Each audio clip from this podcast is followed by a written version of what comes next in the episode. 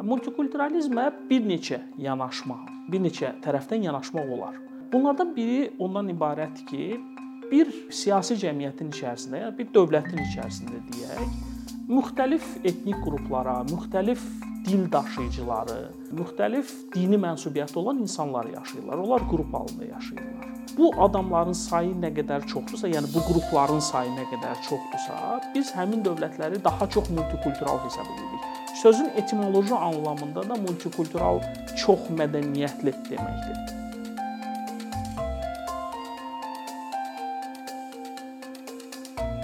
Biz dini, etnik qrupu, dili və digər mədəni qrupları çoxlu mədəniyyət hesab etdiyimizə görə bir siyasi qrupun içində, bir siyasi cəmiyyətin içərisində bu qrupların olmasını çoxlu mədəniyyət hesab eləyirik.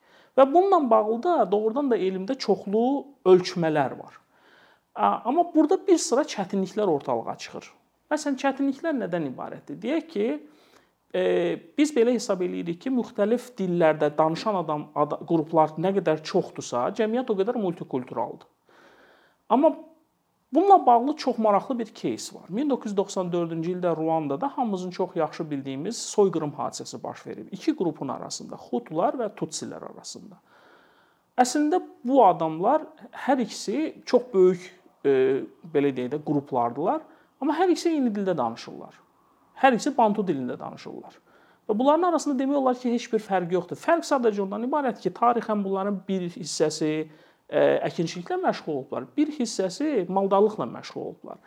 Yəni bunlar dil dil cəhətdən bir-birindən heç bir heç heç bir halda fərqlənmirlər. Fərq yalnız bunların mədəni tiplərindədir və tarixən belə əmələ gəlib ki, bunların biri daha çox e, hakimiyyətdə olub, digəri isə hakimiyyətdə olmama fərqləri yoxdur. Amma buna baxmayaraq mədəni fərqlər arasında, xüsusən klan fərqləri arasındakı bu fərqliliklər nəticədə çox ciddi bir ə, belə deyək də münaqişəyə səbəb olub və tarixin ən böyük dəhşətli cinayətlərindən biri baş verib. Və yaxud da eyni şeyləri deyək ki, demək olar müxtəlif ölkələrdə klanlara aid eləmək olar. Ə, məsələn deyək ki, bu cəhətdən götürəndə dillərin fərqli olması bu heç də o demək deyil ki, və yaxud da dillərin fərqli olmaması eyni dildə danışan adamların da olması bu demək deyil ki, burada fərqliliklər azdır və yaxud da çoxdur. Bunlar bu ölçmələrdən daha başqa bir məsələ ortalığa çıxır və bu alimlərdən bir e, bir hissəsi də belə hesab eləyirlər ki, e, təkcə dili, etnik qrupu götürməklə olmaz və bu sadəcə dillərin, etnik qrupların bir-birindən nə qədər uzaq olmasını da qeyd eləmək lazımdır. Bu cəhətdən nəyə əsas götürülür?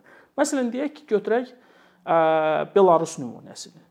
Belarusda yaşayır belaruslar, ukraynalılar, ruslar, polyaklar. Bu bu bunlar fərqli-fərqli dillərdə danışan, aşağı-yuxarı bu və bu cəhətdən də müxtəliflik təmin olunan e, belə deyək də qruplardır. Amma bunlar mədəni cəhətdən bir-birlərinə həddindən artıq yaxın qruplardılar. E, ciddi şəkildə bir-birindən fərqlənmirlər. Onların içərisində bir hissəsi də ki, polyaklar dini cəhətdən fərqlənə bilərlər, amma digərləri demək olar ki, eyni E, tarixən eyni mədəni arealda formalaşmış, daha çox e, belə deyək də ciddi dialekt fərqləri olan dillərdə danışan qruplardır. Amma mədəniyyət cəhətdən bir-birinə çox yaxınlar. Amma bu məsələn ölçməyə gələndə alimlər belə hesab edirlər ki, bu ölkədəki ölçmə ə, fərqliliklərin ölçməsi təxminən Kiprirdəkinə bərabərdir. Amma Kiprdə nə var? Kiprdə iki əsas qrup var: Yunanlar və türklər. Bunlar bir-birinə mədəni cəhətdən nə qədər uzaqdadırlar? Biri Hind-Avropa dillərində danışır Yunanlar, biri Altay dil qrupunda danışırlar. Bir-birindən çox fərqli uzaqdadırlar. Bax, mədəni fərqlilikləri də nəzərə alanda mütləq olaraq onu nəzərə almaq lazımdır ki, bu insanlar, orada yaşayan qruplar bir-birindən mədəni cəhətdən nə qədər çox fərqlənirlər. O fərqliliyi müəyyən etmək lazımdır. Və bunun ən sadə düsturunu sadəcə ortalığa qoyanda belə fikirləşirlər ki, biz necə hesab eləyə bilərik ki, bir dövlət məhz bu cəhətdən, yəni sırf faktların, qrupların olması cəhətdən fərqlidirsə, bunu necə ölçə bilirik? Təsadüfi olaraq küçədə gedəndə 2 adam götürsək və təsadüfi olaraq götürsək, onların hər birinin fərqli etnik qrupa və yaxud da fərqli dil daşıyıcısına, fərqli mədəniyyət daşıyıcısına aid olması mümkündürsə, bu ehtimal olacaqsa, bu halda həmin dövlət ən çox belə deyək də faktoloji cəhətdən multikultural dövlətdir. Belə dövlətlər çoxdur. Bu dövlətlərin içərisində daha çox dünyada Uqandanı götürürlər, Liberiyanı götürürlər, Tunis e, deməli Afrikanın bir sıra dövlətlərini götürürlər ki, burada daha çox, məsələn, Yeni Qvineyanı götürürlər. Bunlar daha çox fərqli dillərdə danışan, fərqli mədəniyyətlərə mənsub adamlar var. Eyni zamanda çox homogen dövlətlər də var. Yəni yekcins olan dövlətlər də var. Məsələn, Şimali Koreya, Cənubi Koreya, Tunis və hətta məsələn deyək ki, bizim qonşularımız Ermənistan ki, çox homogen ölkələrdirlər bunlar. Bu multikulturalizmə sadəcə faktoloji yanaşmadır. Biz baxırıq ki, bir cəmiyyətin içərisində çoxlu mədəniyyətlər, çoxlu dillər, çoxlu dinlər varsa, biz onu multikultural cəmiyyət hesab edirik. Amma eyni zamanda multikulturalizmə bir fərqli, tamamilə fərqli yanaşma da var. Və müasir dünyada daha çox müzakirə olunan məsələdə bir ölkənin içərisində yaşayan və xüsusilə də əgər bu yaşama hadisəsi tarixən uzun müddət mövcud olubsa və bunlar artıq belə deyək də ölkənin vətəndaşlarıdırsa, ciddi şəkildə, yəni ə, millətin formalaşmasında, vətəndaşlıq anlamında formalaşmasında ə, uzun müddət iştirak eləyiblərsə, bu tamamilə fərqli məsələdir. Amma eyni zamanda daha çox müzakirə olunan məsələ gəlmələr fonunda ortalığa çıxan multikulturalizmdir. Bu da o deməkdir ki, biz bir dominant, formalaşmış daha çox hakim olan, üstün olan bir mədəniyyət var və yaxud da bir siyasi toplum var, cəmiyyət var. O cəmiyyətdə kənardan çoxlu axınlar gəlir.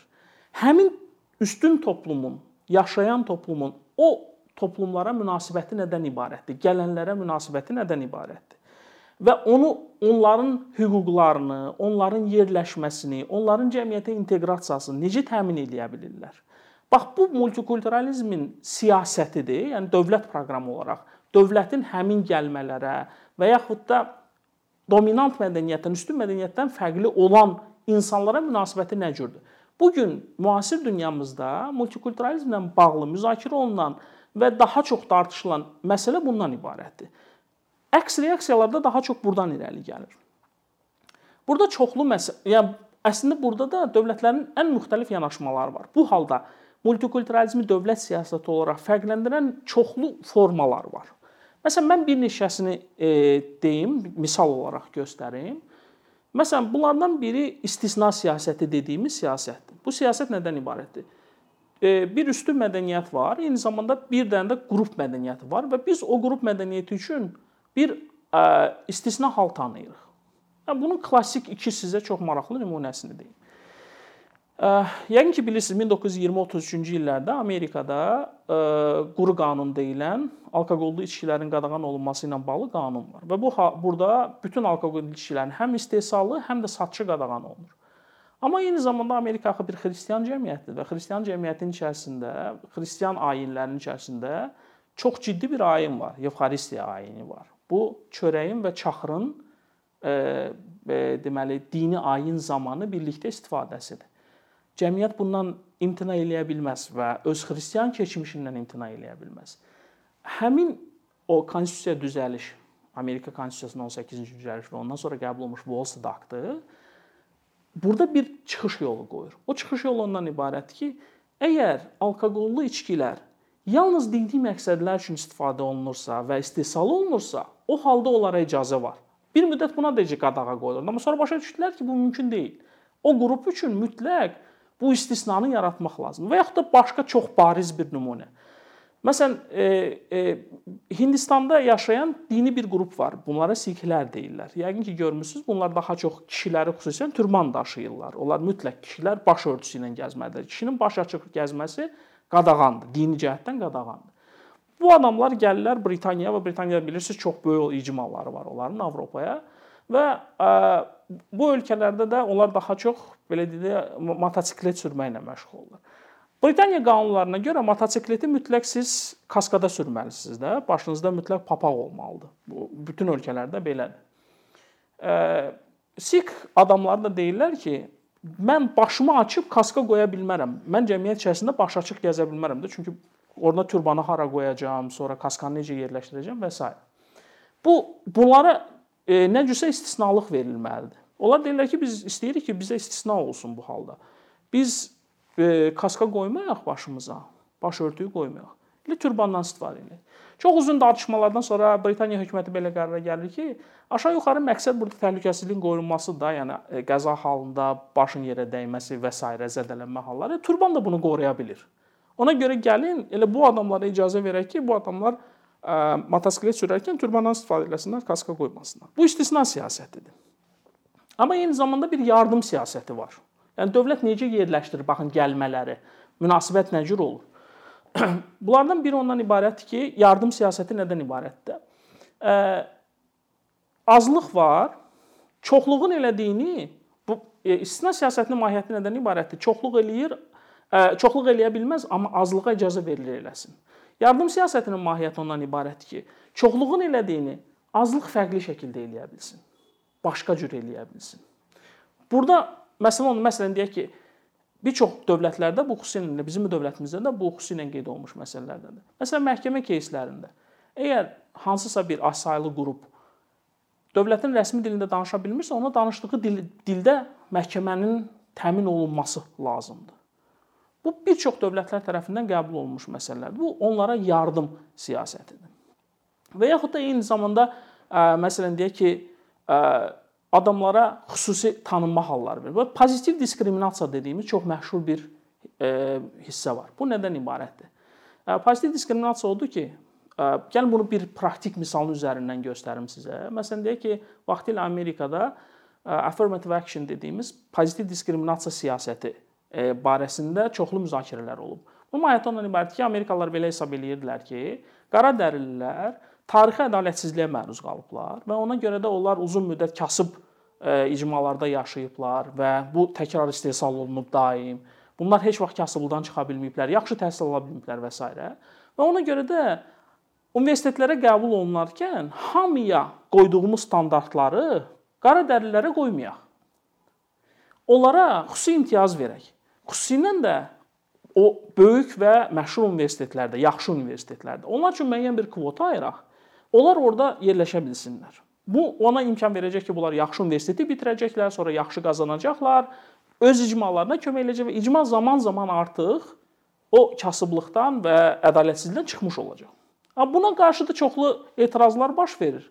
Bu etirazlar ondan ibarət ki, ağ dərli deyir ki, baxın, əgər onlara kvota verilməsəydi, yəni pozitiv diskriminasiya olmasaydı, normal şərtlərdə adamlar mən ağ dərli olsam, ə, hətta az bal toplasaydım belə bütün hallarda qara dəlidən çox bal toplayacaqdım və ona görə də sadəcə onun kvotasına görə mən kənarda qalmışam. Bu halda istedadlı adam kənarda qalır. İstedadsız adamlar, ona layiq olmayan adamlar irəli getmiş olurlar. Bu ciddi şəkildə maneə yaradan məsələlərdən biridir və bu uzun müddət müzakirə olunan məsələlərdən olur ki, doğrudan da qara dərlilərə və yaxud da azlıqlara belə belə deyək də pozitiv diskriminativ hüquqlar tanımaq lazımdırmı, yoxsa lazım deyil? Məsələn, çox uzun müddət e, yəqin ki, bilirsiniz, dünyanın bir çox ölkələrində feministlərin də daha çox qeyd elədikləri bir məsələ olub. Parlamentdə qadınlara kvota vermək lazımdırmı, yoxsa yox? E, deyirlər ki, mütləq bəzi ölkələr və bəzi feministlər iddia edirlər ki, hə, doğrudan da kvota vermək lazımdır və s. Bunlar multikulturalizm siyasətinin müxtəlif və yaxud da bunun çox bəsit bir nümunəsini, başqa bir nümunəsini deyim. İsveçrədə retro roman adlanan bir dil qrupu var. Çox kiçik bir dil qrupudur. Uzun müddət bu bunlar İsveçrənin əsaslarını yaradan xalqlardan, etnogenezində ciddi rol oynamış bir xalq. İsveçrə retro roman dilini rəsmi dil olaraq tanıyır. Amma bu o demək deyil ki, bunlar onsuz da əvvəllər də öz dillərindən rahat şəkildə istifadə eləyirdilər. Bu sadəcə sırf simvolik bir tanınmadır ki, biz simvolik olaraq sizi dövlətin əsasını təşkil edən etnik qruplardan, dillərdən biri hesab eləyirik və ona görə də sizin bu üstünlüyünüzü simvolik olaraq tanımış oluruq. Bu müasir dünyada bir çox hallarda müxtəlif dövlətlərin baxın azlıqları necə yerləşdirə bilməsi ilə bağlı çoxlu çoxsaylı siyasət nümunələrinin göstəricisidir. Bəzi hallarda istisna verirlər e, qruplar üçün, bəzi hallarda onlara xüsusi yardımlar göstərirlər, bəzi hallarda pozitiv diskriminasiya eləyirlər, simvolik şəkildə tanıyırlar, hətta daxili qaydaları belə tanımış olurlar. Məsələn, bununla bağlı başqa bir кейsi, maraqlı bir кейsi deyim sizə. E, deyək ki, e, daxili qanunların tanınması. Bilirsiniz, Amerikada rezervasiyalar var.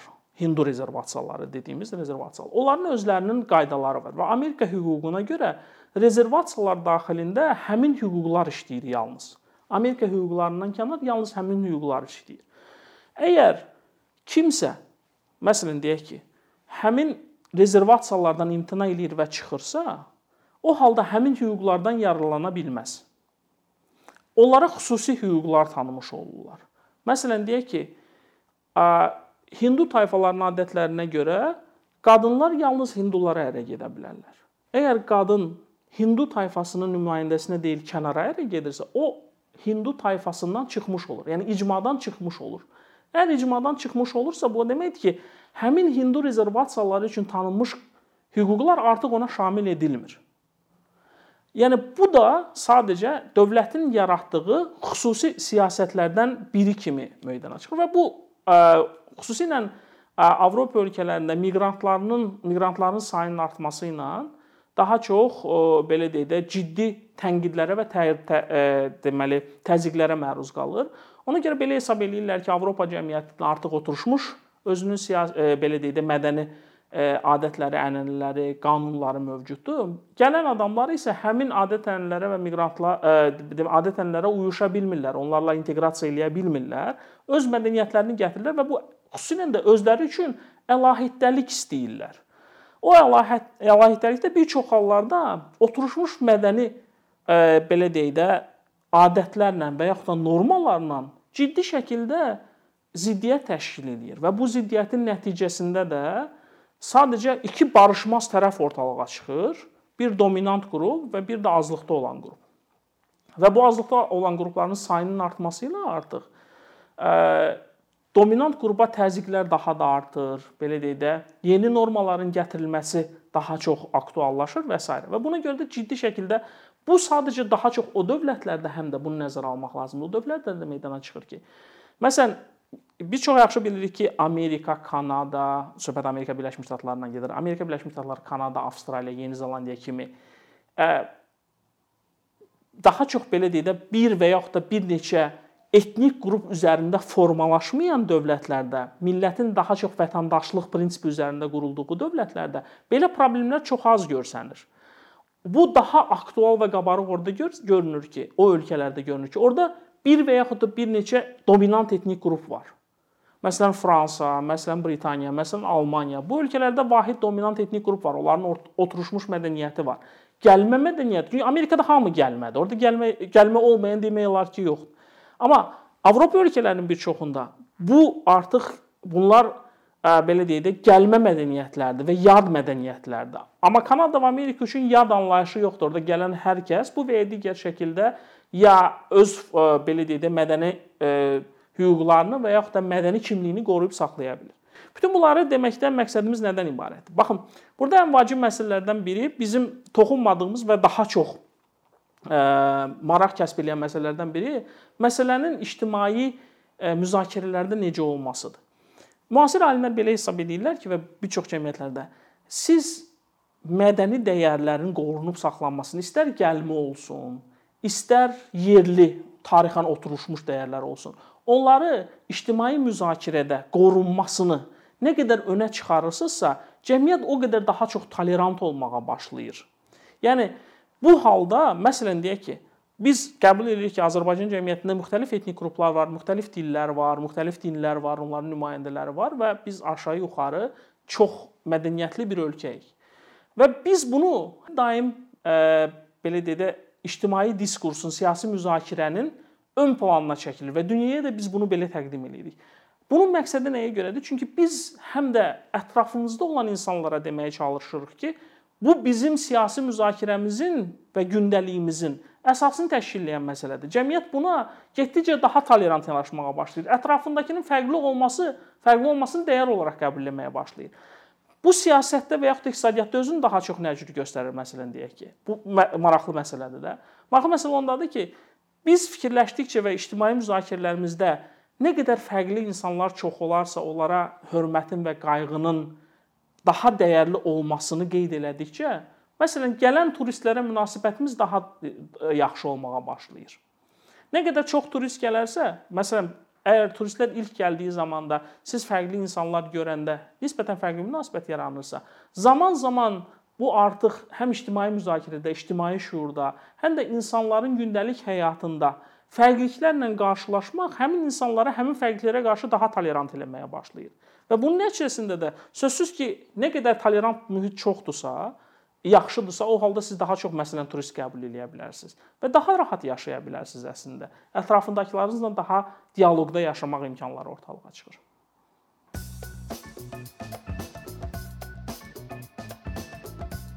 Bir neçə ildir ki, əkinçi olaraq Azərbaycanlı izləyicilərin hər zaman faydalana biləcəyi keyfiyyətli və ən əsas ödənişsiz kontent hazırlamağa çalışırıq. İndiyədək təqdim etdiyimiz onlarla animasiya və yüzlərlə çəkilişlər tələbələrin, mütəxəssislərin, müəllimlərin və ümumiyyətlə yeni mövzulardan xəbərdar olmaq istəyən çox sayda insanın marağına səbəb olub. Bu illər ərzində hazırladığımız videolar təhsil, texnologiya, ictimai fəallıq, iqtisadiyyat, gender bərabərliyi, ətraf mühit, ifadə ifadə azadlığı, hüquq, demokratik inkişaf, mədəniyyət və digər mövzuları əhatə edib. Məqsədimiz çoxlu baxış gətirən deyil, çoxlu fayda gətirən videolar hazırlamaqdır. Amma bu düşündüyümüz qədər asan deyilmiş. Gördüyümüz iş kifayət qədər resurs, əmək və təbii ki, davamlılıq tələb edir. Bu səbəbdən Patreon platformasından istifadəyə başladıq. Əkinçinin Patreon hesabının populyarlaşmasına çox böyük ümidlərimiz və gözləntilərimiz var. Bəziləriniz Patreon haqqında ilk dəfə eşidirsiniz. Əslində çox sadə izahı olan bir platformadır. Təsəvvür edin ki, siz rəssam və ya musiqiçisiz. Sosial şəbəkələrdə sizi izləyən, işinizi bəyənən çox sayda insan var. Patreon platforması sizə imkan verir ki, izləyicilərinizin könüllü aylıq ödənişləri sayəsində işinizi davam etdirəsiz. Sərgi, konsert zallarından asılı qalmayasınız. Amma bu təkcə rəssam və musiqiçilərə aid deyil. Məsələn, əkinçiyə bənzər fəaliyyətlə məşğul olan bəzi layihələrin 10 minlərlə patronu var. Biz də düşündük ki, nə üçün əkinçinin Patreon hesabı olmasın? Sizin dəstəyiniz sayəsində biz daha çox və daha keyfiyyətli kontent yaratmağa davam edə biləcəyik. Amma bu dəstək yalnız maddi dəstək deyil. Dəstəkçilərimizin sayının artması gördüyümüz işlərin faydalı olduğuna dair əminlik verir.